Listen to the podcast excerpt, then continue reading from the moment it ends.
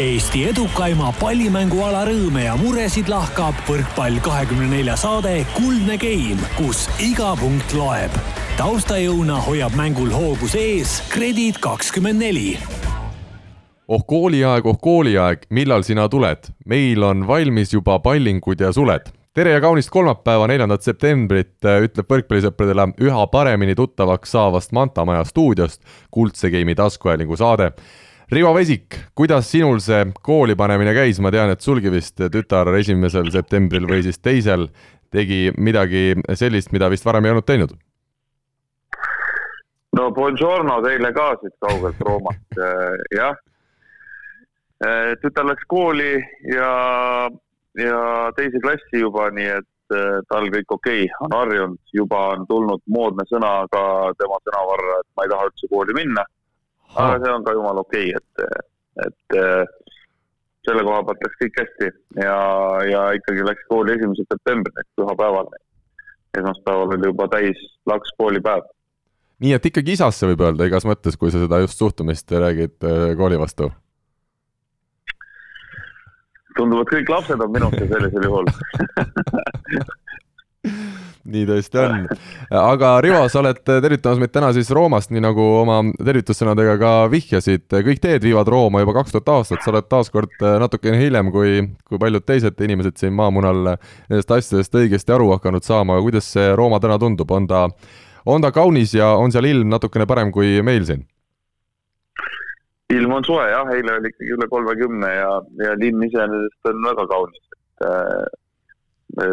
kõik see vanaaegne arhitektuur ja, ja kõik, siin on ja, ja mängukoht ka, kus me mängime, see staadion on Rooma olümpiastaadion, kus on tenniseturniirid toimuvad tavaliselt, et see on ka äge koht ja, ja ongi täna kaksteist kakskümmend, kui, kui ma nüüd peast õigesti mäletan, mängivad Mart ja Kusti või oli kaksteist nelikümmend, Eesti aja järgi siis kolmteist nelikümmend, mängivad Mart ja Kusti oma esimese mängu kvalifikatsioonis, et äh, lähen seda ka vaatama kindlasti. no ma nägin eile siin sotsiaalmeedia vahendusel, et äh, tegite venelastega ka meie Mardi ja Kustiga trenni, kumb siis äh, treeningmängudest parem oli? Mart ja Kusti võitsid eile viimase, viimase treeningmängu, mis me tegime seal või sellise harjutuse. maailmameistrite vastu? ei, maailmameistrid olid eraldi teise väljaku peal, et seal oli siis äh, Venemaa teine paar ja, ja neljas paar, et aga Mart ja Kusti seal jah, nippa-nappa kakskümmend kaks, kakskümmend võitsid selle harjutuse. selge. Mart ja Kusti jätsid, ütleme nii, et jätsid nendest, siin on päris ilma naljata, nendest kolmest võistkonnast jätsid kõige parema mulje eile, et äh, mehed on turniiriks valmis, tundub, et hoiame neile täna pöialt Mardist ja Kustist me jõuame tänase saate jooksul kindlasti veel rääkida, teemadena on nende edukas turniir Jurmalas meil siin ähm, saatekavas kirjas, aga me ei ole Rivoga õnneks või kahjuks täna stuudios kahekesi, sest äh, minu kõrval siin Mantamaja stuudios on võtnud koha sisse Asko Esna, mees, kes samuti nagu Rivogi pärit Pärnust. tere ka jälle sulle! tere, tere! no see Pärnu värk, ma ütlen siin Rivole vahepeal, läheb meil natukene käest ära, et äh, et ega, ega meil siin Eesti võrkpallis nagu teisi saatekülalisi ei paistagi enam olevat kui ainult pärnakad. ei no Pärnust tulevadki kõvad mehed ainult, sealt ei, seal polegi midagi teha. jah. no täpselt siin nii. ongi, ongi nii, ongi nii, et, et varsti Pärnu võtab üle see on kõige suurem linn täna maailmas peaaegu. ahah, võrkpallurite arvult või? Ei, tänu uutele reformidele, no Pärnu on Eesti kõige suurem linn, konkurentsid õigus, õigus, õigus. ja täpselt sellepärast sealt nii palju niisuguseid mehi tulebki. ahah, kuigi tol, tol hetkel, kui teie muidugi kasvasite võrkpalluriteks, siis oli Pärnu seesama selline viiekümne tuhande elanikuga linn no meie pärast pididki Pro... selle linna suuremaks lükkama. selge, ei mahtunud need egod ära, need egod ei mahtunud ära, Rivo, jah. täpselt. aga Asko. ja Pärnu äh, jaa, ma ja, kuulan veel, ei, ei Rivol oli midagi head veel öelda siin Pärnu kohta, seda ei saa kuulamata jätta. Pärnu on jah, kasvanud ikkagi viimasel ajal äh, provintsist ikkagi maailma suurlinnaks ja mina arvan, et seal on äh, mängus, võib isegi öelda, kurikuulsa Viisitamme käsi, kes tegi kõik selleks, et Pärnu mühin, mühinal kasvama hakkaks aga et need poliitminutid ei kujuneks meil selliseks nagu ühes teises äh, Eestis kuulatavas äh, spordisaates, siis äh, Asko, sa oled küll sel aastal ükskord meil juba stuudios käinud, aga, aga sellest, mis sind siin Tallinnas täna,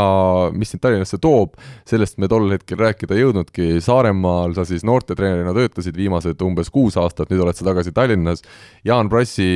siis abiline võrkpalliklubis Täht, ma saan aru, siin Tallinnas ja pluss siis veel TalTechi meeskonna abitreener ja Lilleküla gümnaasiumis oled sa nüüd vist ka kehalise kasvatuse õpetaja, kas ma olen kõigest nüüd õigesti aru saanud? jah, selles suhtes, et äh, Tallinnasse tagasi sai tuldud ja, ja nüüd siis äh, siin nii-öelda ka noortele võrkpalluritele siis äh, tähe juures seal võrkpalliõpetust andmas, et äh, ja, ja spordiklassid mul seal veel juhendada ja TalTechi meeskonna juures, et nii-öelda tegutsemist äh, jagub ja igav nii, niisama ei hakka, et siin linna peale nii-öelda torne minema vaatama? no muidugi, nagu me juba rääkisime, sa oled väga suurest linnast, äh, sellisest metropolist Pärnust pärit, aga kuidas see Tallinna elu tundub? just Kuressaare kõrvalgi? noh, eks ta ikka kiirem ja on, et äh, palju inimesi, autosid ja, ja vahemaad natuke pikemad, et aga eks tuleb oma aega korralikult planeerida ja ja midagi hullu siin küll ei ole, et äh,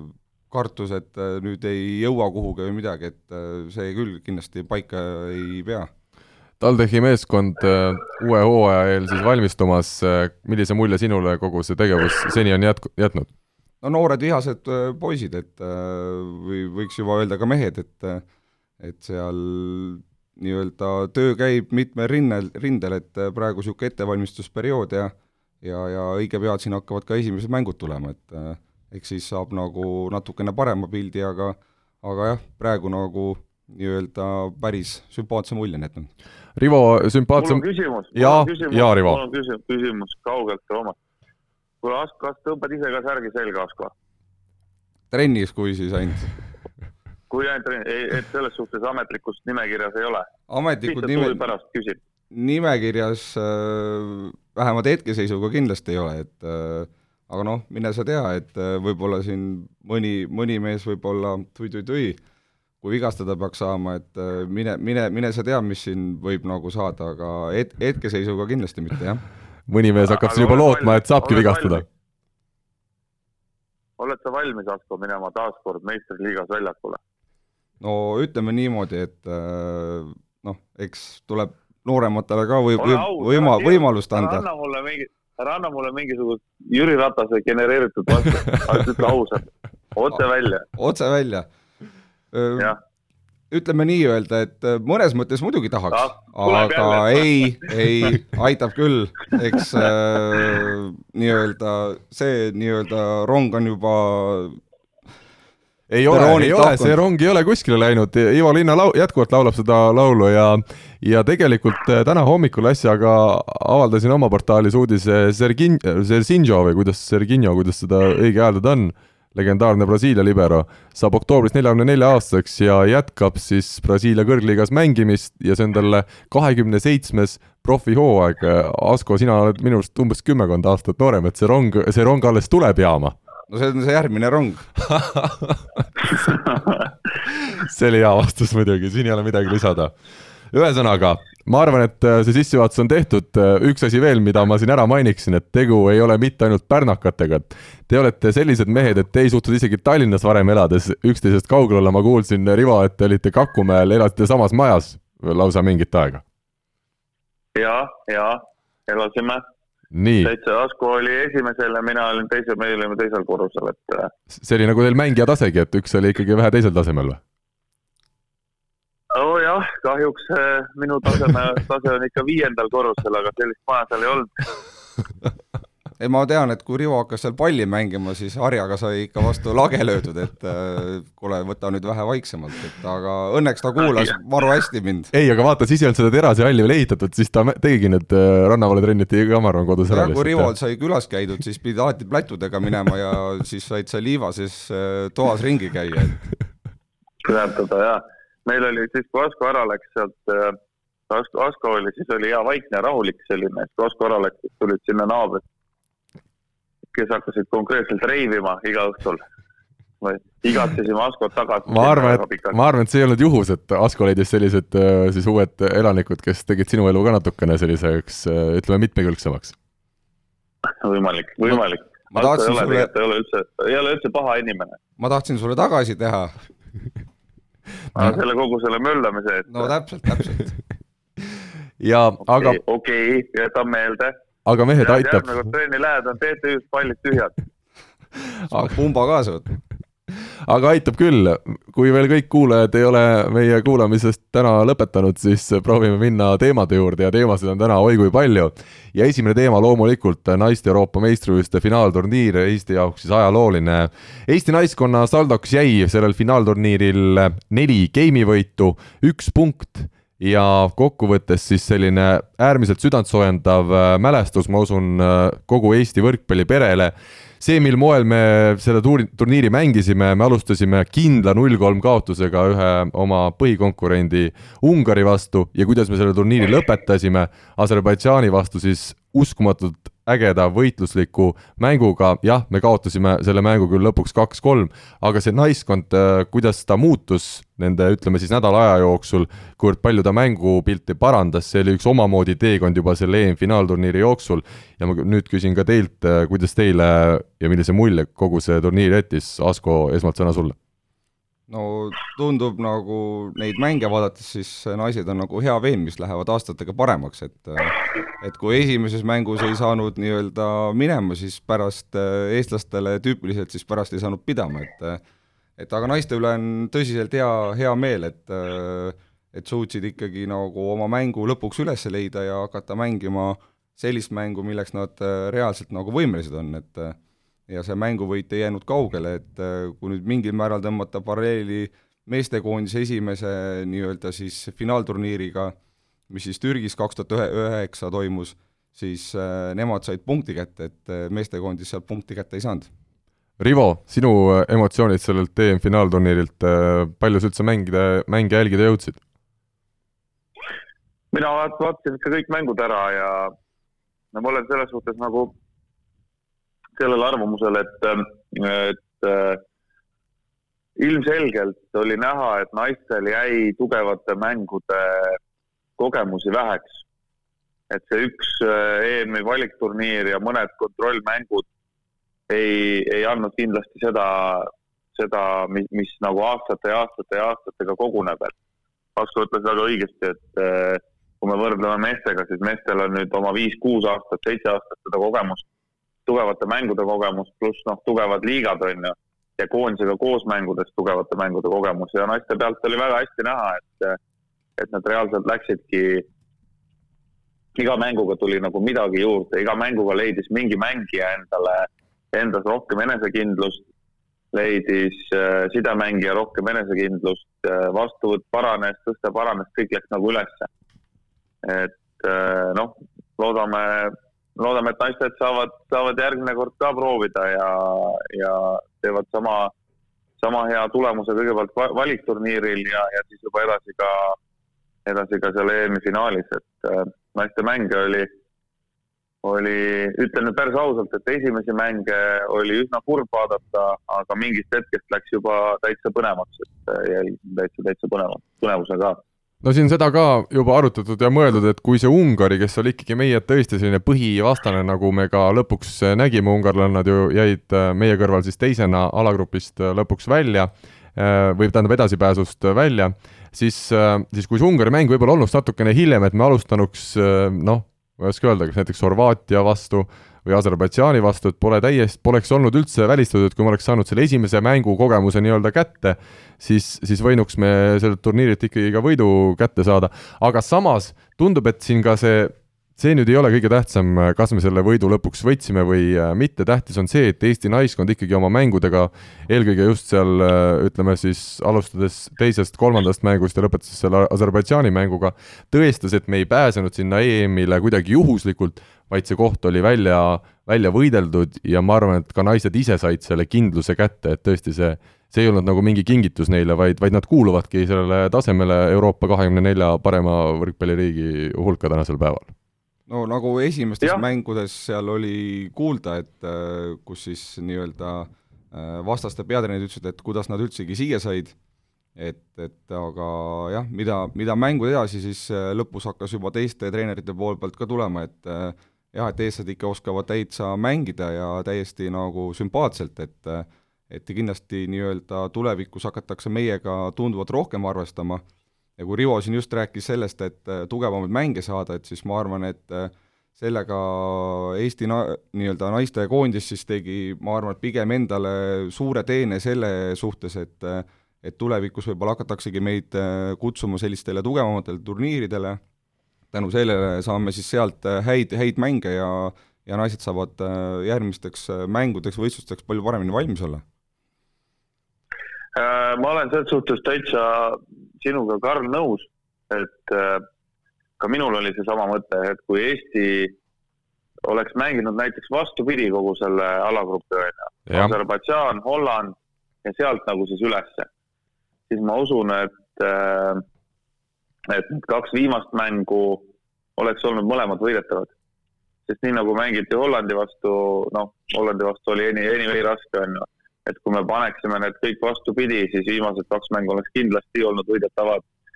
et selle koha pealt mul ei ole mitte mingit kahtlustki. ja minu arust Aga veel no,, jaa. oli nii,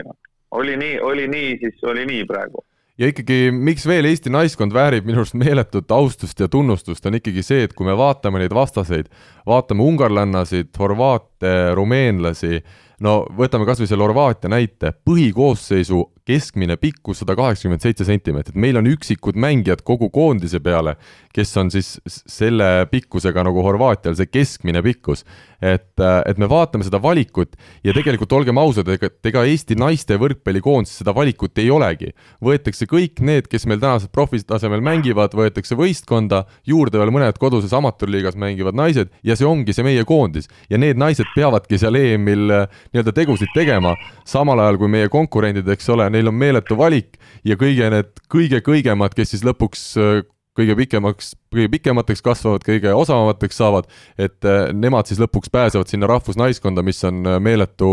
meeletult kõva saavutus, et, et, et sellise naiskonnaga, oma väga tublide naistega oleme me jõudnud nii kaugele, et me võtame Horvaatialt geimi, Rumeenialt geimi ja Aserbaidžaanile, eelmise EM-i neljandale naiskonnale anname sellise vastupõid, vastupanu, et alles viiendas geimis selgub võitja, et et see on, see on täiesti uskumatu saavutus ja seda tuleb osata hinnata. Aserbaidžaani puhul ja. on on kindlasti nagu see teema ka, et et kui me ennem ei ole nagu nii palju tähelepanu võib-olla naiste ütleme siis nii-öelda finaalturniirile pööranud ja, ja nüüd ta siin väga aktuaalne meil on,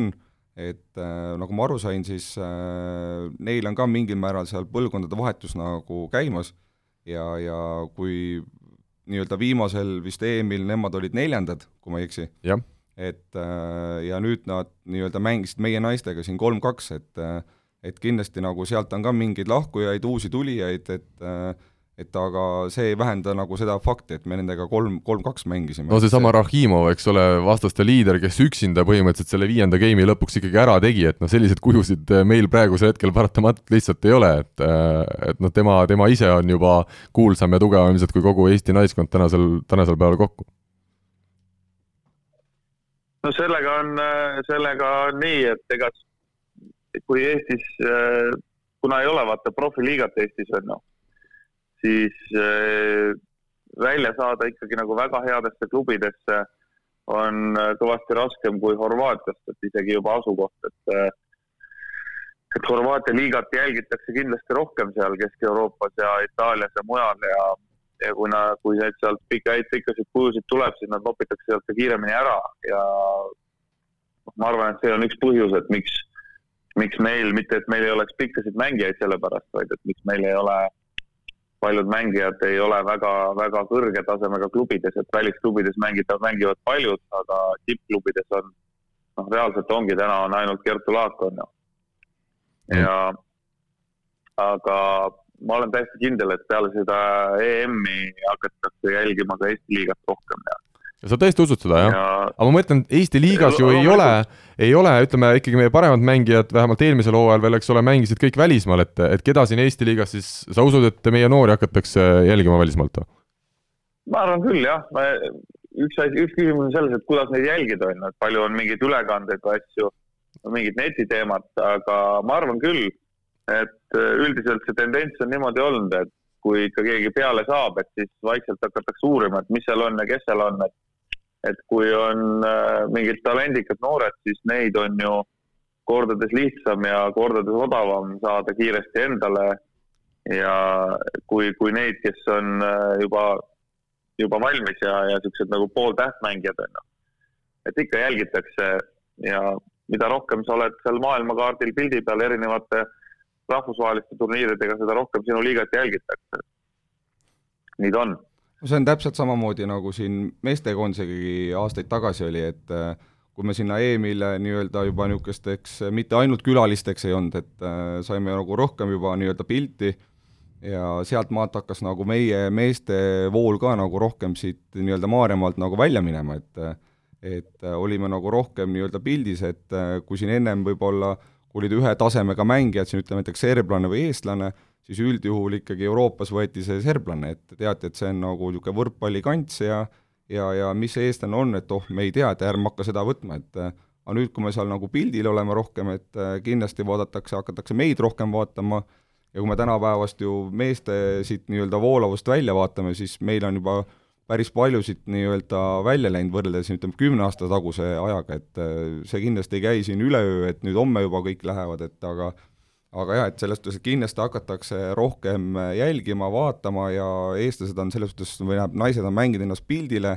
ja, ja sealt nii-öelda tekib see nii-öelda huvi meie naiste vastu ja, ja kindlasti hakkab neid eh, tulevikus rohkem siit välja, välja minema. aga siin on üks suur aga, millest eh, minu arust eh, te lähete praegu natukene mööda ikkagi. Eesti meestel oli ja on tugev liiga selles suhtes, kus meil on meeskonnad, kus mängivad äh, mehed, kes saavad selle eest korralikult palka ja elavad ära. naistel on meil see liiga ikkagi täielikult amatöörtasemel ja see tähendab ka seda, et seal äh, ei ole, ütleme, sellist taset ja kui meie need tüdrukud tahavad välja minna, siis nad peavadki sisuliselt ju kohe pärast gümnaasiumi lõppu minema välismaale või juba varem. et see on, see on selline meeletult suur aste, mis tuleks sealt kohe teha siis ütleme, kohalikust äh, amatöörliigast või noorteliigast kuskile välismaale, et, et ja mulle tundub, et ütleme veel mingeid noorteliigasid ju ega neid keegi väga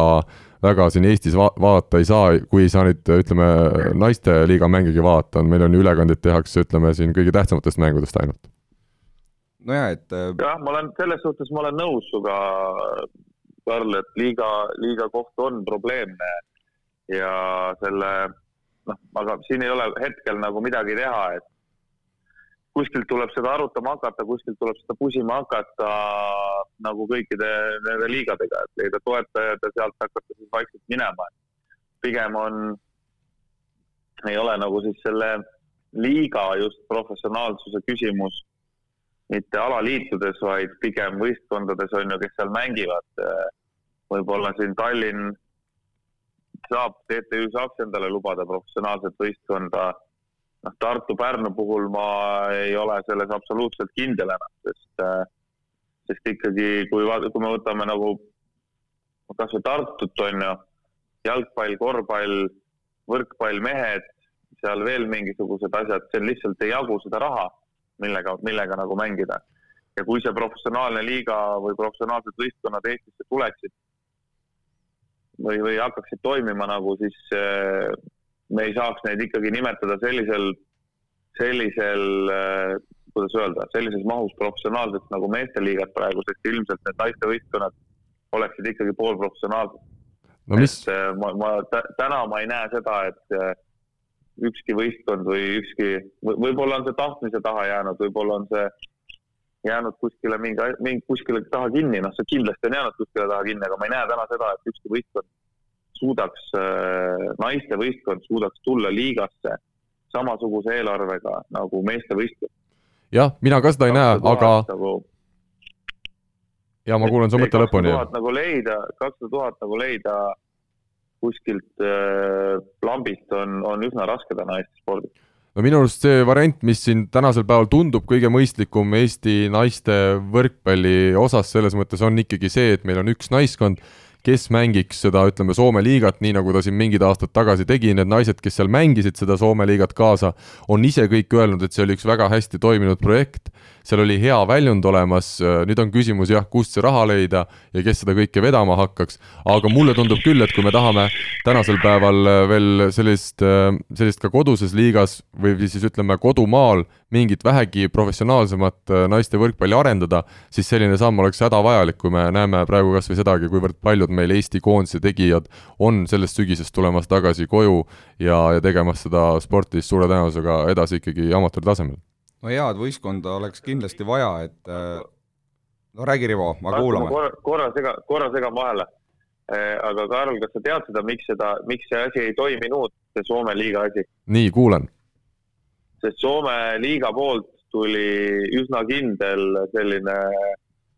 toon, et Eesti võistkonnad, mis seal, seal käis kaks võistkonda minu arust, üks oli. Viljandi oli kindlasti. Viljandi, Viljandi ja, ja teine oli, ei olnud Kohila. Seal oli äh, see Pihela võistkond. mis ta siis oli nüüd? Milstrand. jah, midagi seal, ei, Milstrand oli Viljandi äkki või? see Pirital tegid trenni seal. oi, mul ei tule võistkonna nimi meelde. näituste selle, ja, ja mm -hmm.. jah, täpselt, täpselt, äkki oligi Eesti näituste võistkond et Soome liigast tuligi kindel toon, et nad on nõrgad, et nendega ei ole mõtet mängida. soomlaste jaoks, äh, nii palju kui mina seda teemat tean, oli see, et nad tulid Eestisse, nad võitsid kolm-null ja eestlased läksid sinna, said kolm-null peksa. eestlased läksid sinna vahel niimoodi, et noh, päris kõikidega sinna sõita raha ei olnud, siis osad jäeti maha. käidi seal autodega, käidi seal kuskil, ma ei tea, Oulus mängimas autoga, on ju, kuussada kiltsa autodega sinna, kuussada tagasi see ei ole see, kuidas sinna minna. et kui sinna minna, siis sinna minnagi korraliku võistkonnaga, kas või teha see võistkond, äh, noh, ongi, võistkond on Tallinnas, baseerub Tallinnas, treenib Tallinnas, aga mängibki Soome liigat, ainult Soome liigat. sest sellise võistkonna hoidmine Eesti liigas on mõttetu, sest siin ei ole, neil ei ole mitte mingisuguseid vastaseid ja see, see, see ei vii nagu ka edasi seda, ütleme, Eesti liiga taset ei vii kõrgemaks, sest kui üks võistkond ikkagi võidab kõiki, nagu siin kunagi oli Pärnu võrkpalliklubi, kes võitis kõiki kolm-null, üks mingisugune hetk oli vist äkki kas kakskümmend kaheksa või kakskümmend üheksa mängu, kus Pärnu võitis järjest kolm-null, siis ega see nagu liiga taset ei tõsta. sest ega see teisi võistkondi paremaks ei tee mitte mingil juhul, on ju. et siis see peakski olema läbimõeldud ja nad peaksidki mängima seda, ainult seda Soome liigat ja mängima nii, et nad oleksid ikkagi konkurentsivõimelised. sest sellise, sellisel sõitmisel jah, ta on eestlastele kasulik, aga see ei ole nagu,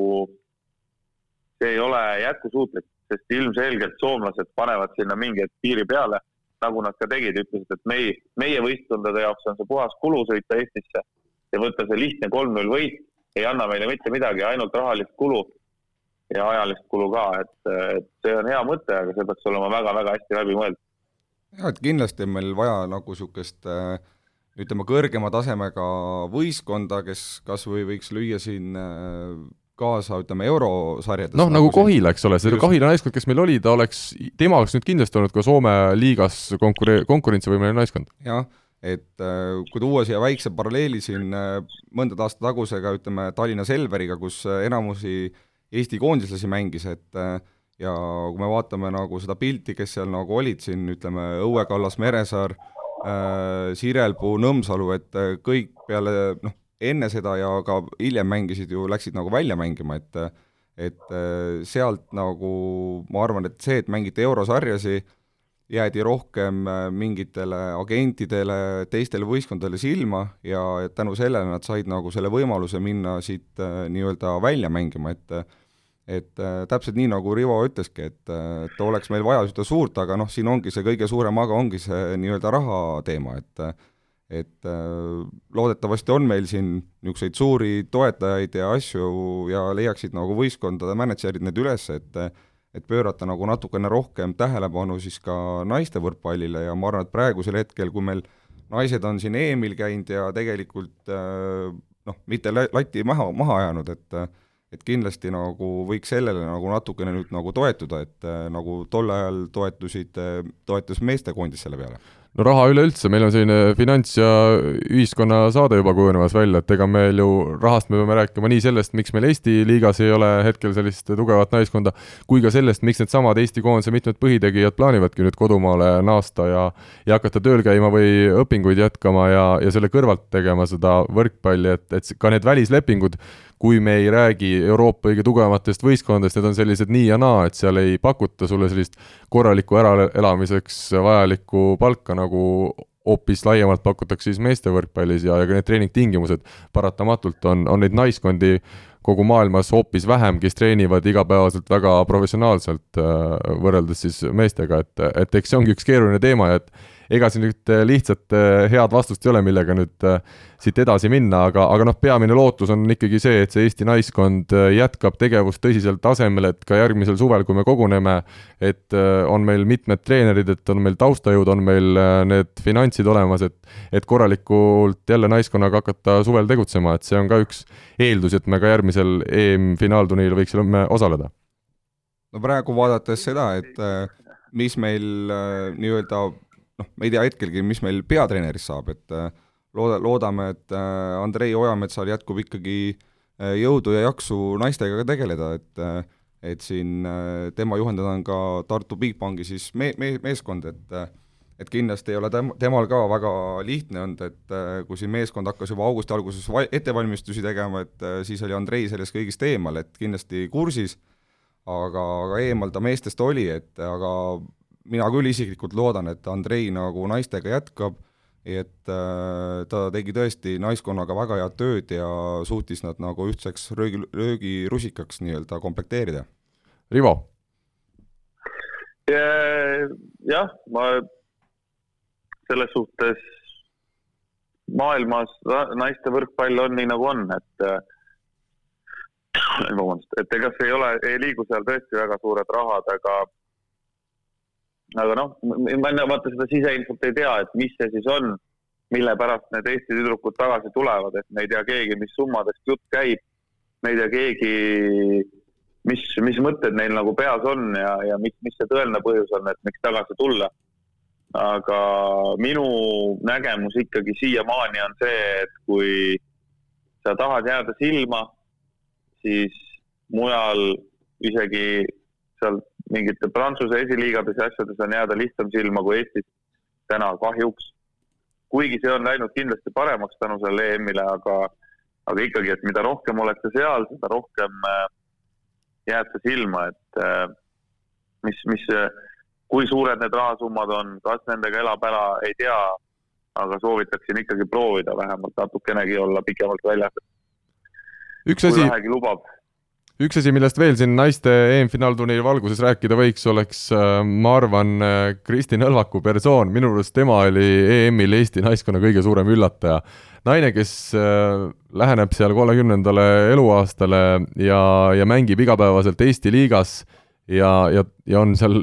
EM-il selgelt üks Eesti säravamaid mängijaid, minu arust ta mängis ka hoopis paremini, kui ta siin koduses liigas möödunud hooajal mängis. et see oli minu jaoks üks tõeliselt lahe üllatus, Kristin Helvak ja meie, meie libero, et seal isegi meie teine libero, noor Natalja-Anett Haidla ütles, et mul polegi midagi teha praegu, et ma pean lihtsalt oma aega ootama, kuna Kristi on nii hea. no Kristi oli tõesti väga nii-öelda sümpaatselt mängis seal kaitses ja vastuvõtul, et eks kindlasti tuli vigu sisse, aga kellel neid ei tuleks, et keegi meist ei ole robot et aga Kristi jättis tõesti väga hea niisuguse mulje, et äh, mina ka, kui siin ütleme, kaitsemängu orientatsiooniga nii-öelda rohkem nii-öelda vaataks seda pilku praegu, siis siis tõesti need kohavalikud ja, ja ei olnud niisugust äh, lahmimist nii-öelda ühele-teisele poole, et äh, rahulikult ootas oma hetke ja need, mis tal, tema võimus olid, need ta kõik sealt üles nii-öelda korjas, et äh, et selles suhtes äh, müts maha kindlasti tema ees, et aga noore libero kohta jaa, et minu arust ta alles saigi vist kaheksateist, kui ma ei eksi. Äh, jah, jah, jah, just. just, tal oli sünnipäev et.... soovime tagantjärele õnne. palju õnne, et äh, kindlasti nagu küll tuleb ka tema aeg, et minu teada ta mängib veel noorteklasse ka siin veel, et et saab siin natukene rohkem karastada, et kindlasti need noorteturniirid pole Äh, need, mis nagu seal EM-il olid, et aga kindlasti sa saab sealt väärt kogemusi juurde ja, ja vähemalt ütleme, libero positsiooni poole pealt vaadates Eesti naiskonda, siis seal pigem nii-öelda on niisugune hea, hea toon on nagu käsil, et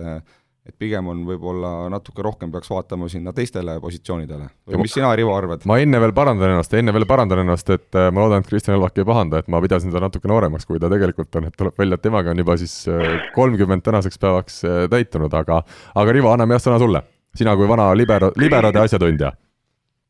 mina kui vana libero no just. Kristi äh, oli täiesti fantastiline, täiesti, polegi nagu midagi muud öelda, ta tegi kõik mängud oli tasemel, kõik mängud ta mängis ikkagi mitte lihtsalt ainult oma tasemel, vaid ta ikkagi oli väga heal tasemel, maailma tasemel liberana. et äh, tema kohta ainult häid sõnu ja, ja noorema libero kohta, mina, ma sain aru Steniga rääkides, et äh, Selveri naiskond läheb see aasta mängima ka seda Balti liigat. just et äh, see on väga hea koht neile, väga hea väljund neile tüdrukutele. et seal saab kindlasti areneda kiiremini kui, kui ainult Eesti liigas mängides, nii et, äh, nii et ma arvan, et noorem libero lihtsalt peabki natukene kannatama ja ootama, et eks, eks kõik, Asko teab ise ka, on Asko kannatanud ja oodanud seal, on Sten oodanud Tatriku taga, on Rikberg oodanud nii Steni kui Asko taga. mina ootan siiamaani, aga, aga ei, ei tule midagi. sa, sa võid ära lõpetada ootamise, sul ei ole varianti kahjuks. sul see rong ei tulegi enam sul ei tule jah. siin, kus mina elan, siin ei käi rongid jah. isegi, isegi tuled ei paista enam ei eest ega tagant sealt jaamast, nii et. isegi tunnelit ei ole, kust seda tuld otsida jah? Ei ole jah, mitte mingit et äh, aga ma ütlen, et eks, eks igaüks tuleb, peab oma aja ära ootama ja, ja natukene kannatama, et neid, kes tulevad ja löövad jalaga ukse lahti ja on kohe väljakul, neid on maailmas ülivähe ja nad on, nad on erandid, et äh, enamus mängijaid, ükskõik mis, mis suure mängija me võtame, ta võib öelda, et äh, mina olen oma aega oodanud ja oma aja ära oodanud. Rivo, mul on üks küsimus sulle.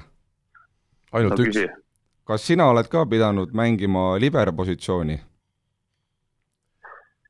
ei ole. aga elus minu arust, elus on ta küll üks tõeline libero olnud minu arust.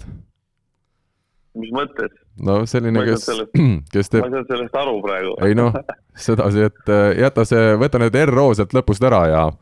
ja, ja pane sinna sell lõppu, pane sell lõppu ja siis vaata, mis sõna tuleb. oh jeesus küll, nüüd läks peeneks kell on veel liiga vähe minu jaoks. ma, me ütleme jälle kuulajatele, et me lindistame tänast saadet kell kaheksa kolmkümmend, et, et eks need sõnavõtud on ka ilmselt sellest tingitud meil natukene. nii, Rivo, kuulame. aga Asko ei ole, ei liberot ei ole mänginud, siis ei olnud vaata liberot veel.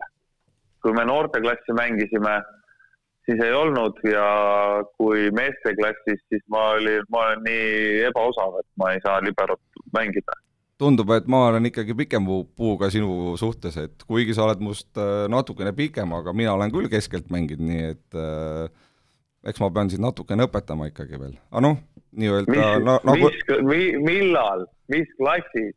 mis klassis või? Ma olen isegi esiliigas äh, alles siin möödunud hooajal mängisin. see näitab esiliiga kohta nii mõndagi, Vasko. et äh, lihtsalt äh,, eks ma pean sind natukene õpetama, aga noh, nagu öeldakse, et iga inimene õpib äh,, tähendab, inimene õpib kogu elu, aga sureb aga ikka lollina, et aga noh, nii-öelda, ega see ei olnud nii-öelda mingi paha väide, see oli pigem niisugune väike töga, tögamine ei ole midagi, Asko, ma tahtsingi öelda, et aga kõvad mehed ongi kõvad mehed, ükskõik kus nad mängivad. Pärnust Pärnust. Ja Mustamäelt. jaa aga kui me räägime naiste EM-ist äh, veel nendest mängijatest, minu jaoks üks äh, hea selline üllatus, ma ei tea, kas seda üllatuseks on õige nimetada, aga oli ikkagi Anu Ennok, kes äh, turniiri edenedes mängis ennast lõpuks nii-öelda kolmanda nurgaründaja positsioonilt kindlaks esinumbriks ja, ja isegi kui ütleme, viimases mängus hakkasid ka rünnakud juba väga hästi välja tulema, tuli sealt üks plokipunktki, äh, siis tegelikult mida Anu meie mängu tõi, oli ikkagi see vastuvõtukindlus ja stabiilsus, kui Anu oli väljakul, siis äh, tema ja Kristi suutsid ikkagi vastuvõtuosakonna hoida enam-vähem korras ja sealt hakkas ka see mäng tööle, et et Anu oli selline varjatud liider meil siin turniiri teises pooles, olete te nõus minuga? ja olen nõus, aga Anu ongi, vaata Anu ongi see mängija, kellel on põhimõtteliselt ainukesena täna olemas kogemuste pagas, millest ma rääkisin. ja mis on EM-il oluline? väga oluline, kes on mänginud välismaal pikalt, kes äh, suudab nagu mängida rahulikult, kes suudab oma peas asjad panna paika nii, et ta ei mõtle üle ja ei tee seal mingisuguseid superlollusi, et tema näitas konkreetselt seda, kui tähtis on, on kogemus ja tegelikult on meil päris palju jah, mängijaid siin ju, kelle kohta võib hea sõna öelda, kas või Kristiina Miilen, veel väga noor ju naisterahvas ja, ja ka mängis kohati väga hästi, Liis Kullergann, kui palju blokke ta siin osades mängudes pani, vastased sisuliselt ei julgenud võrgu kohale tullagi, kui nägid, et Liis oli eesliinis, et äh, ja veel pärast, kuidas Liis mängis kahe katkise sõrmega viimase mängu lõpuni, et äh, siin oli päris palju huvitavat, Kertu Laak täpselt samamoodi, viimane mäng juba resultatiivsem, kas vist kahekümne nelja punktiga, et et kõigil oli selliseid üksikuid õnnestumisi, aga jah, mis meid täna lahutab ikkagi Euroopa kesktasemest veel, ongi seesama stabiilsus, et meil on mängijad olemas, aga meil ei ole veel sellist stabiilsust, olete te minuga selles suhtes nõus? no kindlasti, ega neid stabiilsust kuskilt äh, Selverist saialetist ei osta, et äh, tulebki lihtsalt mängida ja mitte ainult äh, mängida, vaid mängida nendes tugevamates äh, liigades ja tugevamates võistkondades, et äh, muidugi on küsimus, et kuidas sinna saada ja, ja aga ma ütlengi, et äh, nii nagu ennem sai juba räägitud, et äh, et, et äh, loode, loodetavasti me oleme seal kuskil nii-öelda püüne peal, et äh, me ei pea enam seda kuskilt binokliga vaatama, et äh, et järjest rohkem loodetavasti saame nagu siit nii-öelda tugevamatesse liigatesse na-, nais, naiskondi ja, ja saame nagu seda mängida, et aga Anu, Anu kohta jah veel, et kui tal esimene mäng oli natukene niisugune krobeline, et võib-olla natukene lõid need lained ka pea, pea peal kokku, et aga eks ta sai ka nii-öelda natukene õhtul seal hotellis nii-öelda oma tegutsemisele nii-öelda järele mõelda ja kindlasti see Andrei ja teised ka aitasid, et et sai nii-öelda korraliku restardi teha ja järjest paremasse hoogu ta läks, noh. Rivo, mis sina arvad? Jah, me jõuame jälle selle, selle kohani tagasi, et äh, meil on mängijaid, aga meil, mängijatel ei ole kogemusi, et äh, et ma arvan, et me oleme selle teema nüüd siin paar korda läbi võtnud ja, ja võiks nagu jääda sinna, et ongi vaja tugevaid mänge ja, ja sealt see tuleb, et ega muud varianti ei ole. Esimese teema lõpetuseks kiidame siis meie toetajaskonda ka, see oli ikkagi meeletu, kuidas, kuidas ja kui palju oli Eesti koondise poolehoidjaid äh, Budapesti reisinud lennukiga, autoga, kuidas keegi. Ja neid oli siis umbes paarisaja jagu ja kui me vaatame kas või Eesti-Rumeenia mängu, mina leidsin Rumeenia toetajaid täpselt kolm tükki ja Rumeenia, tuletame meelde, on Ungari naaberriik, et see juba ise ütleb ära, kui kõvad meie toetajad on. Ja meie ütleme neile aitäh ja läheme järgmise rubriigi juurde. Mängija profiil, üks inimene, erinevad vaatenurgad ja nüüd siis uh, uus rubriik uh, Mängija profiil, kus me siis igas uh, saates võtame ühe mängija ette ja räägime natukene tema omadustest. esimeses saates siin kohe septembrikuus on meil hea võimalus rääkida Nete Peidist, naisterahvast, kes tõi EM-finaalturniiril Eesti koondisele kolmkümmend üks punkti pluss üheksateist ühes mängus ja see mäng oli siis Rumeenia vastu Äh, kuidas teile tundub, äh, kas, kas sellised asjad EM-finaalturniiril, millest nad räägivad, kas nad räägivad sellest, et Nete peidis on, äh, on ütleme, peidus meeletu potentsiaal või ütlete te see, et seda võib juhtuda igaühega? Rivo, ma luban sulle alustada. okei okay,, ma alustan. et äh, kindlasti tal on see potentsiaal olemas et äh, juba see näitab, et ta suutis selles ühes mängus äh, niimoodi mängida, et äh, kindlasti seda ei juhtu nagu üleöö, et seal taga on metsik-metsik töö, et ja ilmaasjatagi ta ei mängi välisliigades ja järgmine aasta ei lähe Soome nii-öelda tippnaiskonna Salosse mängima, kui ma ei eksi. just, meistrite liigat ka, jah. jah, et, et kindlasti nagu selles suhtes tal on seda nii-öelda ainet olemas ja, ja ma kindlasti väga loodan, et, et ta nii-öelda, et need ei oleks nagu niisugused äh, juhuslikud korrad, kus ta nagu sellisena suudab mängida, et et need hakkaksid nagu tihedamini tulema ja, ja kindlasti nii-öelda ma arvan, et seal, kui ta EM-il niisuguse vägeva mängu tegi, et kindlasti ta sellega võrreldes juba tõstis oma nii-öelda aktsiaid siin mitte ainult Soome liigas ja Soome naiskondade juures, vaat ka terves nii-öelda EU, Euroopas, et kindlasti tal on silm peale pandud, Äh, ja, ja mine sa tulevikus tea, mis tast veel siin saada hakkab, kui ta veel selliseid esitlusi siin kas või näiteks meistriliiga mängus kuskil kellegi, ma ei tea, sakslaste, itaallaste, prantslaste vastu teeb. no ma enne, kui Rivo saab sõna, ütlen veel nii palju, et mis siis Nete Peidi selline suurim äh, tugevus või silmapaistvus äh,, milles see peitub äh,, see on ikkagi see meeletu hüppevõime, et äh, kui siin olen ka rääkinud Audentese treeneritega ja mitte muide sugugi ainult võrkpallitreeneritega, vaid ka näiteks kergejõustikutreeneri Sven Andresooga, siis äh,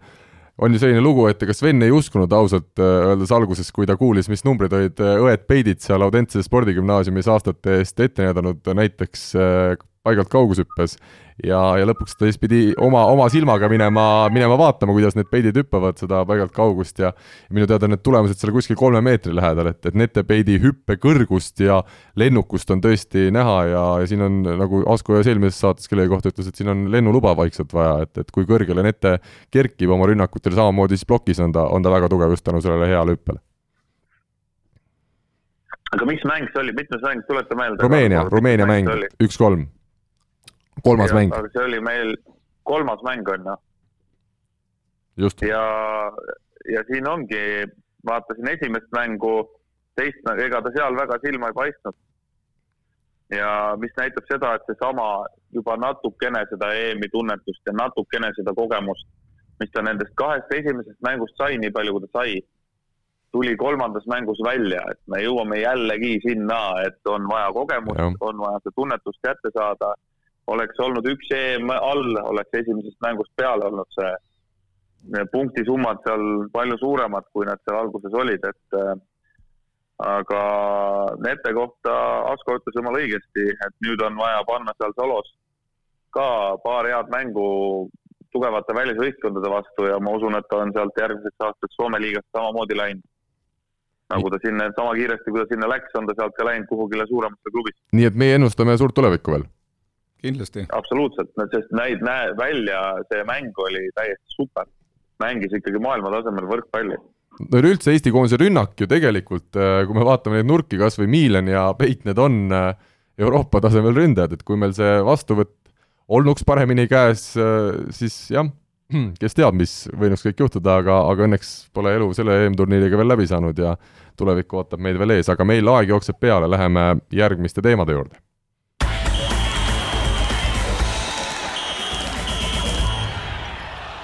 Jurmala MK-etapp, rannavõrkpall, Rivo Vesikul on nüüd põhjust panna seal kaugel-kaugel Roomas telefon äh, veel lähemale oma kõrvale. no ütle, Rivo, mis sulle siis sealt äh, Jurmala etapilt äh, kõige paremini meelde jäi ja mis sulle endale kõige suurema emotsiooni pakkus, kas see, et äh, meie noored äh, Märt Tammearu, Timo Lõhmus pääsesid põhiturniirile ja olid seal väga tugevat konkurentsi pakkumas sellistele tuulsatele lätlastele nagu Martin Splavins ja Edgar Stoks või ikkagi see, et Mart Tiiser ja Kusti Nõlvak pääsesid elus esmakordselt MK-etapil äh, finaali? noorte tulemus oli selles suhtes äh, kõvasti üllatavam, kui oli Mardi ja Kusti tulemus. et äh, ikkagi jõuda MK-etapil, juba kolmetärne etapil, mis on äh, selles suhtes ikkagi korralik turniir, jõuda seal põhiturniirile ei ole absoluutselt mitte kerge. selleks läheb tavaliselt äh, ikkagi osadel võistkondadel päris palju aega, et Mart ja Kusti pusisid siin poolteist aastat äh, natuke peale, enne kui nad said kolmetärni turniiril põhiturniirile. vabandust. aga poisid suutsid kohe ära teha selle ja, ja tore on see, et kodu lähedal, et ma sain aru, et seal oli päris palju toetajaid ja pealtvaatajaid. oli. ja Martinsi ja, ja Edgarsi vastu mäng ka, noh, seal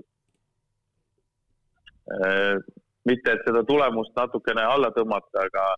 oli näha, et ega see vana kala Martins oli seal ikkagi üsna sirge põlvega esimeses game'is niikaua kui, niikaua kui saigi aru, et äh, Eesti poisid võivadki võita, aga siis oli juba kahjuks liiga hilja, et Märt ja Timo tegid väga korraliku partii nende vastu. teises-kolmandas skeemis natukene hakkas mängima see, et, et äh, võib-olla Märt ja Timo hakkasid natukene mõtlema, et nad, nad suudavadki võita, pani vähe pinge peale ja lätlased andsid ikkagi natuke gaasi ka ja, ja täna on see, nende tasemevahe on ikkagi nii suur, et äh, natuke pingutamist ja ja sellisel noortevõistkonnal ei ole väga võimalust nende vastu. räägime, noored tegid,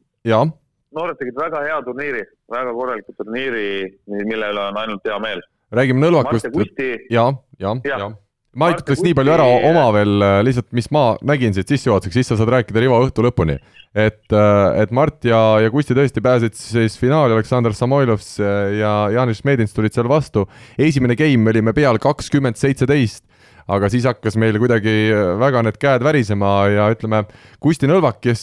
küll meeletult hästi mängis kaitses minu arust kogu selle turniiri ja eriti ka need viimased mängud aga tema see rünnak kuidagi jäi nendel tähtsatel hetkedel mitte ainult finaalis tegelikult, vaid ka poolfinaalis ikkagi pehmeks. seda on ka mehed ise öelnud, et see Kusti rünnak on nende tänavuse hooaja selline kõige suurem probleem olnud, et kuidas see tööle saada ja, ja kui midagi head veel välja tuua, siis Mardi võimas plokk muidugi, seda saame siin igas saates korrutada, et, et see on üks selle paari ka suuri aluseid siis Kusti hea kaitse kõrval, aga nüüd sõna sulle, Rivo. no Mart ja Kusti, nende mäng ongi selles suhtes Nad natuke otsivad veel oma mängu ja Kusti rünnak on läinud kõvasti paremaks, kõvasti paremaks, et ta on leidnud ikkagi ka kõvalöögi ja, ja koksud ja asjad. Äh, ja ka nende, nende mängu üks suur-suur alus on äh, plokk ja kaitse. Nad mängivad, Kusti mängib hästi kaitses, Mart on plokis väga võimas. Äh, kus nad juurde saavad kindlasti panna, on serv, aga kui rääkida nüüd sellest finaalist, siis jah kakskümmend seitseteist oma servil ees ja kakskümmend kaheksateist siis vastase servil ees, et üks pall on vaja ära lüüa. ja aga vaatasin selle finaali lõpu või selle esimese game'i lõpu üle ka. Eh, ütleme nii, et Jaanis Medins lõi seal väga head servi, nagu väga-väga head servi.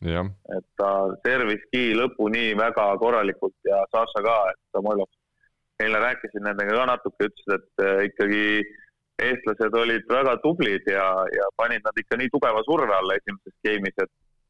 et äh, nende ainuke väljatuleku koht oli see, et nad ütlesidki seal mingi hetk time out'i, et davai, et nüüd hakkame serviga riskima. aga servi risk on alati nii, nagu ta on, et äh, sa võid ka seal eksida, et see Jaanis Medits oleks võinud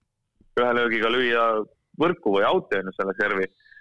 Ja olekski läbi olnud, et äh, lätlased ütlesid, et esimene game ikkagi konkreetselt tänu sellele natukene vedas, et nad riskisid serviga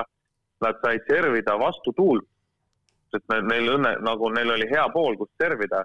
Ja sealt riskisid ja sealt neil nagu õnnestus järgi saada. et äh, Samoilov ise ütles, et oleks olnud teist pool, on ju,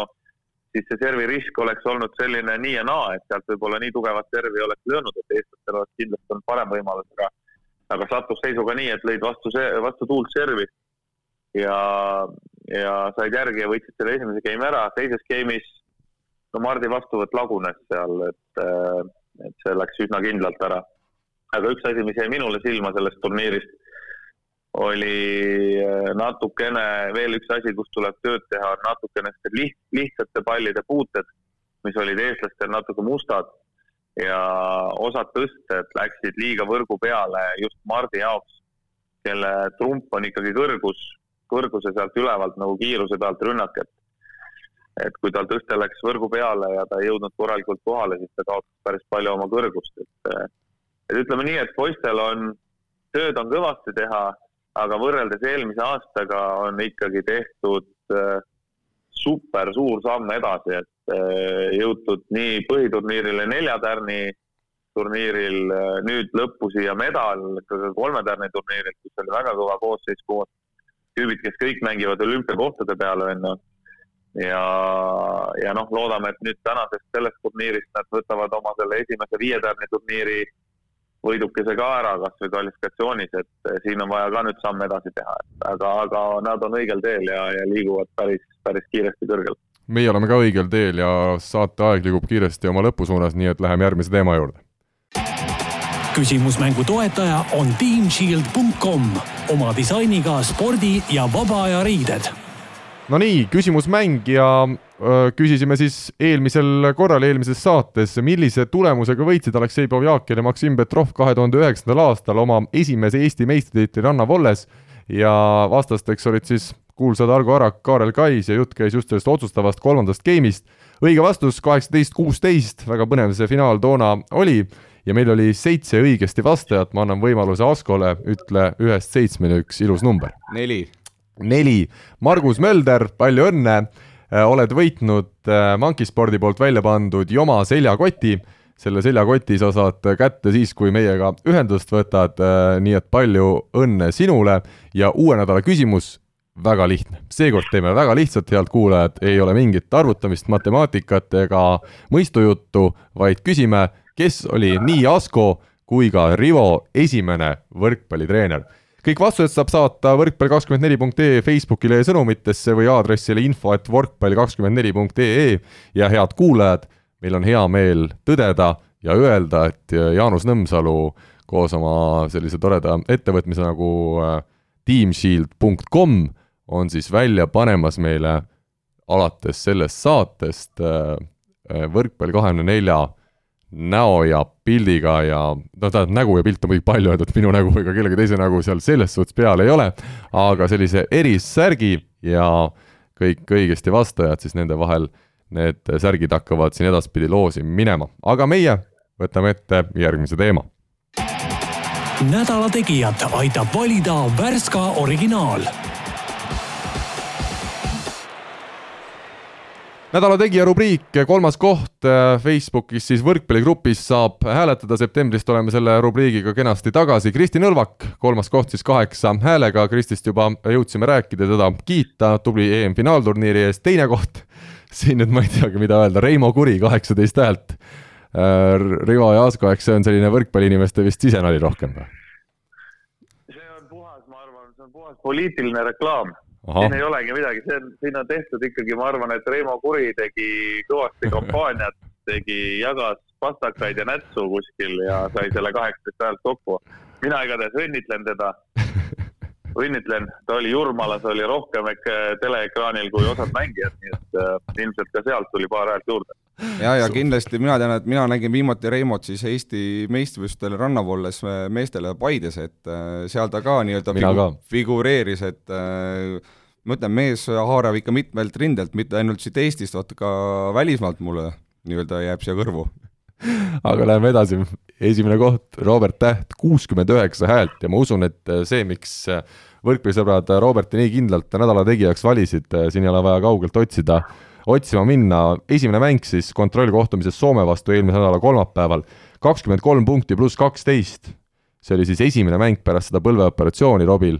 ja teine mäng, mis oli siis see kolmas kohtumine Soomega, teine ametlikest mängudest siis teine, jah. Seal kaheksateist punkti pluss üksteist, Robbie on tagasi, seda on hea meel tõdeda. Ja Robbie ei ole sugugi kehvas seisus, selge see, et võimsusest äh, ilmselt annab veel natukene juurde panna, mängu sellisest tunnetusest samuti, aga need numbrid räägivad sellest keelest, et Robbie on ikkagi sellest vigastusest kenasti, kiiresti taastunud ja see on meile väga oluline sõnum. mul on endal väga hea meel ja väga hea meel on mul, et äh, Robbie tagasi on, et äh, ma natukene küll kartsin, kui see uudis tuli, et ta siin põlvega nii-öelda pahasti läks, et, et kuidas nüüd nagu meie nurga osa, osakond seal hakkama hakkab saama, aga, aga nii jah, et Robbie on nagu tulnud tagasi, järelikult see taastumise protsess ja kõik on nagu läinud äh, täpselt nii, nagu nad lootsid ja tahtsid, et et kindlasti see põlv ei ole veel päris, ütleme, sajaprotsendiline see, mida ta kindlasti tahaks, et et ühte mu teist on seal vaja veel natukene lihvida, et, et aga aga kindlasti see nii-öelda need mängud vähemalt näitasid meile selle ära, et äh, Robbie on õigel teel ja ja, ja nii-öelda valmis siis nii-öelda EM-il endast nii-öelda maksimumi anda. Rivo, mis sina ütled? mina ütlen ainult tuld, kõva sõna. Robbie on äh, tagasi ja, ja selle üle on kõikidel võrkpallisõpradel hea meel. on hea meel ja on hea meel minna ka meie saate viimase osa juurde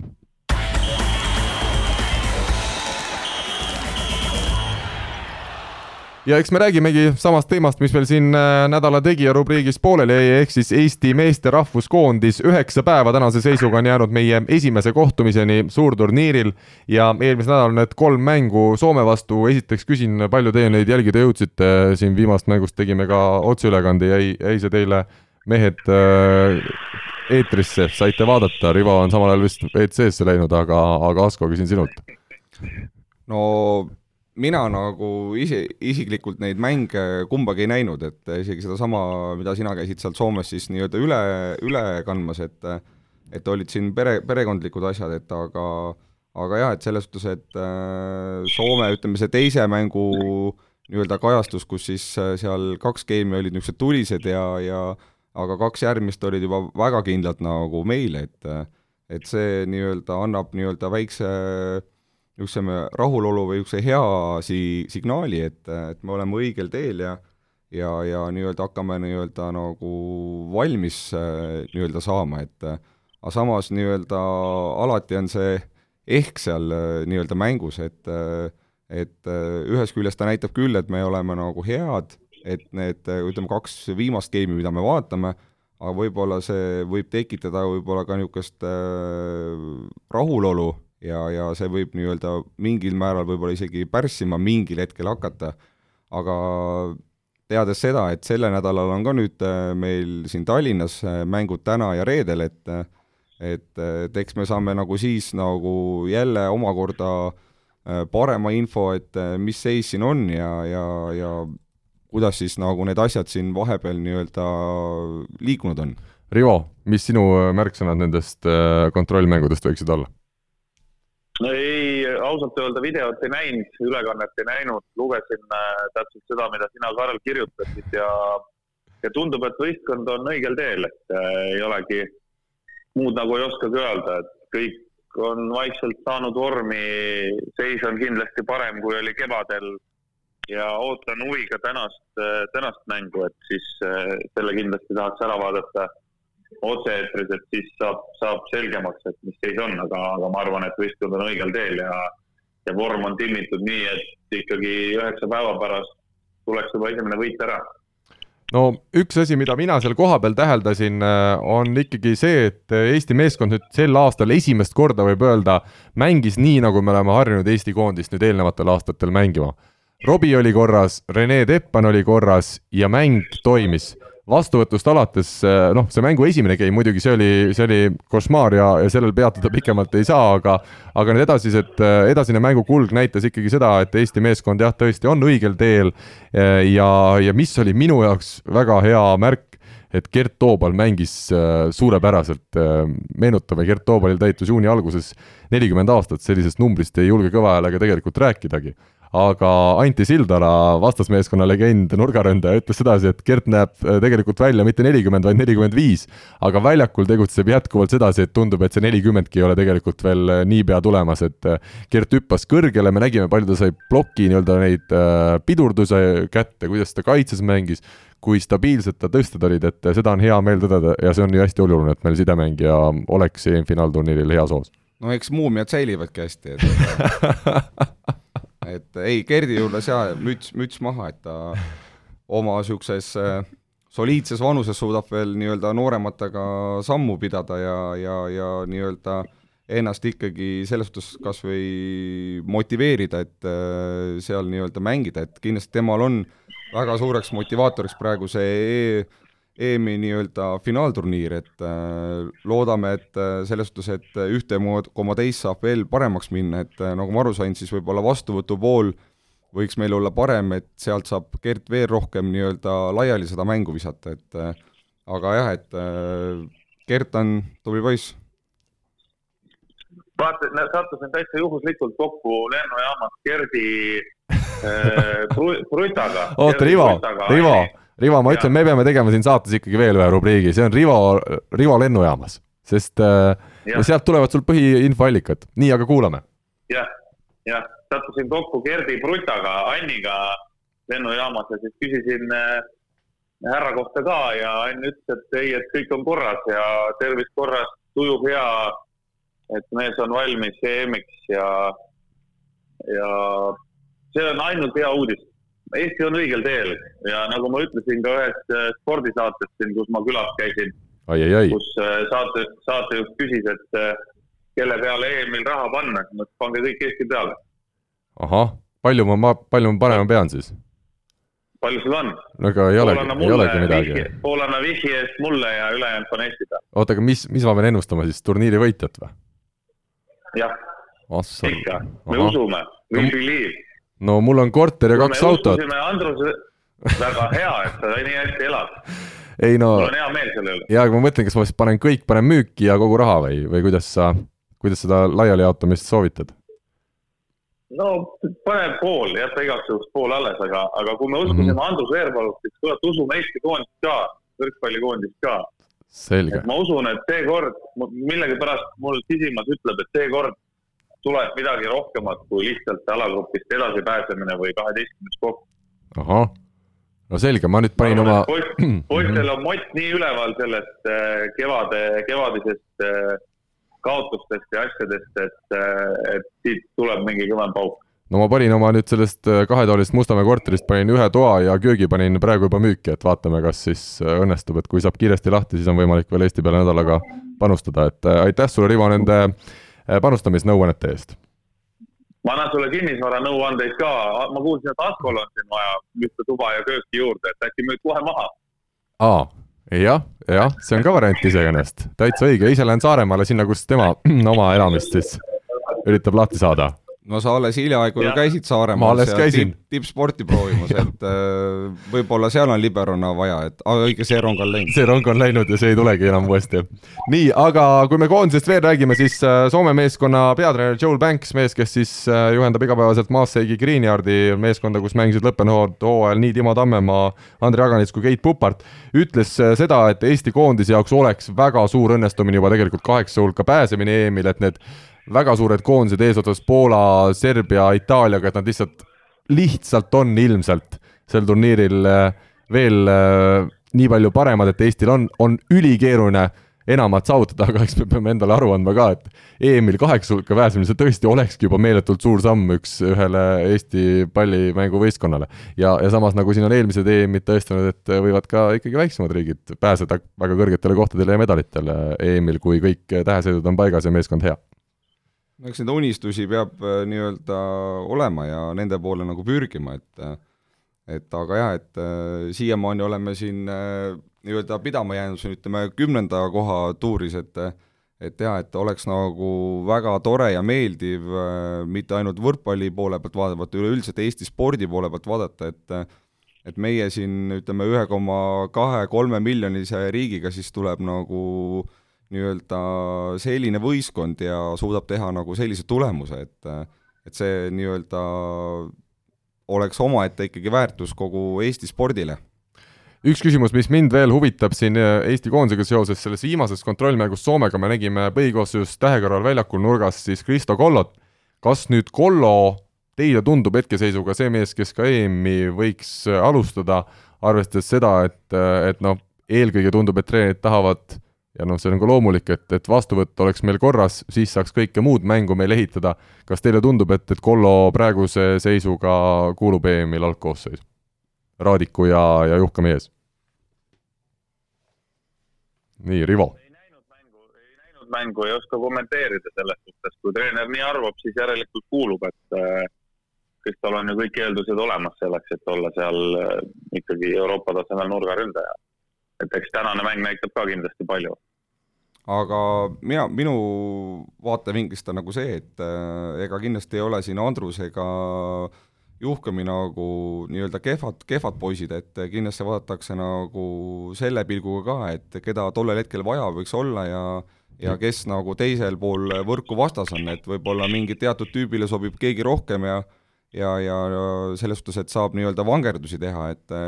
juhkumil on väga hea serv siin kellegi asemel sisse panna, tagaliinis mängida, et aga aga praegusel hetkel tundub küll nagu seda, seda teed rohkem, et pigem panustatakse rohkem sellele vastuvõtu teemale ja, ja et siis meie rünnakuliidrid saaksid nii-öelda Gerdi poolt siis korralikult nii-öelda rünnakule viidud, et et, et aga, aga jah, et täpselt nii, nagu ma ütlesin, et äh, ma arvan küll, et äh, vangerdamisruumi on ja tehakse neid valikuid vastavalt siis olukorrale ja, või siis võistkonnale ja juba nägime seda ka, mida Martti Juhkami juurde annab, isegi kui ta põhikoosseisu ei kuulu, et äh, oma tugeva serviga võib vahetusest sekkuda ja tuua mängu murrangu, nii nagu ta täpselt Soome mängus tegi. Äh, meie aga läheme siit veel äh, natukene edasi, räägime sellest, et sel nädalal siis Eesti meeskond mängimas täna kolmapäeval Valgevenega kell kuus Saku Suurhallis ja reedel kell kuus juba täieliku Euroopa suure võrkpalliriigi Bulgaariaga, kes siin olümpiakvalifikatsioonis hiljuti oli väga lähedal Brasiilia alistamisele, juhtis seda otsustavat mängu kaks-null ja lõpuks kaotas kaks-kolm, aga Bulgaaria siis sellest hoolimata üks üks tugev meeskond tänasel päeval on ja, ja Eesti koondise viimased kontrollkohtumised, no mida teie nüüd äh, nende kohtumiste eel mõtlete, kas ja kui palju nüüd taolistes mängudes see resultaat juba omab rolli, et kas, kas siin on ikkagi tähtis see, et milline see viimane lihv meil on äh, EM-finaalturniiriks? teate, sõbrad, mina arvan sellest asjast nii, et mina pean nüüd ära minema. see on hea mõte. trenn ja, ja ma kahjuks ei saa siin enam teile, teiega kaasa rääkida, aga kindlasti Asko räägib ära ilusasti ja saate hakkama, et Saame. mina jätan teiega praegu head aega, ütlen teile, jätan teiega hüvasti. ja kohtume siis juba ilmselt järgmisel nädalal. ilmselt nii, aitäh sulle, Rivo, ja ilusat äh, Itaalias olemist! ole tubli, Rivo! jaa, tšau! tšau! aga Esko, sama küsimus siis sinule, jah, kuidas, kuidas sulle tundub see, need mängud, äh, mis siin meid ees on veel ootamas?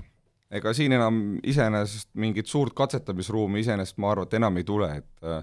et juba ütleme, niisugune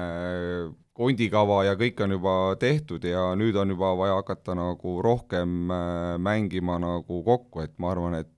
et tänases mängus me vast väga suuri vahetusi iseenesest ei näe. Et äh, minnakse nagu juba otsima seda mängukindlust ja töörutiini seal rohkem platsi peal, et äh, et üksteisega rohkem seal nii-öelda veel rohkem sina peale saada, kui nad praegu noh, kindlasti nad juba on, aga veel paremaks, et, et, äh, et nad saaksid nagu jah, selles suhtes niisugust äh, töörahulikkust juurde, et iga uus mängija, kes sisse tuleb, mingil määral ikka natukene teist, teistmoodi ja läheb äh, nõksa harjumiseks aega, aga aga jah, et kuna meil EM on juba põhimõtteliselt siin ukse, ukse taga, et siis, siis ma arv-, arvan küll, et täna, täna me palju vahetusi ei näe. ja teine küsimus on see, et millise koosseisuga Bulgaaria seda reedest mängu mängib, kuna Bulgaaria ja Valgevene mängivad omavahel siis homme neljapäeval veel õhtul, et siis on võimalik, et Bulgaaria kaks päeva järjest mängides ei, äh, ei tule päris sellise äh, mõlemal päeval täiskoosseisuga välja, et äh, see on samuti üks küsimus, aga ma arvan, et Eesti koondise valmistumiseks EM-iks see väga palju ei, ei mõjuta, et ma usun, meie need kaks mängu peame ikkagi suhteliselt oma parimas koosseisus ära ma arvan, meie puhul kindlasti, et aga jah, et siin Valgevene ja Bulgaaria puhul, et äh, kaks päeva järjest siin mängida, et äh, Valgevenel siis täna ja homme, jah. Et äh,, et selles suhtes, et võib-olla seal tekib mingisuguseid vangerdusi nagu natukene rohkem äh, embas-kumbas mängus. Et, et äh, kuna neil on kaks päeva järjest ja ei ole väga lihtne kaks päeva järjest niisugusel kõrgel tasemel nagu mängida, aga kindlasti nagu ma arvan, et noh, ütleme poolteist game'i saavad ühed mehed, poolteist game'i teised, teised mängijad nagu mängida, et et saaks kas või treener seda kindlust omale, et mis seisus teatud mängija on, kas ta suudab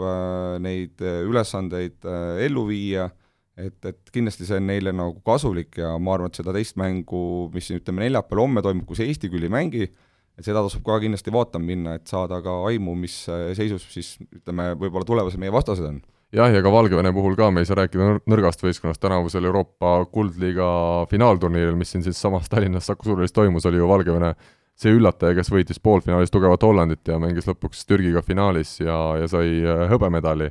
aga saate lõpetuseks äh, võib-olla ainult nii palju, et äh, noored kõik võrkpallitrenni, sügis on käes ja, ja võrkpallurid Eesti vajab. muidugi, et äh, uus hooaeg hakkamas ja esimesed turniirid juba siin sillerdavad ukse ees, et et kindlasti noored võrkpallurid, kes te siis nii-öelda saadet kuulate praegu, et äh, nii Tallinnas, Tartus, Võrus, Pärnus, Rakveres, mida iganes linnas, Saaremaal, et kindlasti minge trenni, et äh, ja saate nii-öelda toredaid uusi sõpru äh,, ja, ja nautida seda võrratut võrk, võrkpalli, et et praegu meil on nii-öelda eeskujud olemas siin meeste ja naiste koondiste puhul, et et kindlasti ma loodan, et teie seas, kes te trenni nüüd lähete, et võib-olla juba järgmisel EM-idel nii-öelda hakkame nii-öelda te-, teile siin kaasa elama ja, ja pöialt hoidma aga tund ja natukene pealegi on linnulennul taas kord äh, möödunud, aitäh kõigile kuulajatele kuulamast ja kohtumiseni nädala pärast! kõike head! Eesti kõige põnevamad podcastid on Delfis, kuula tasku.delfi.ee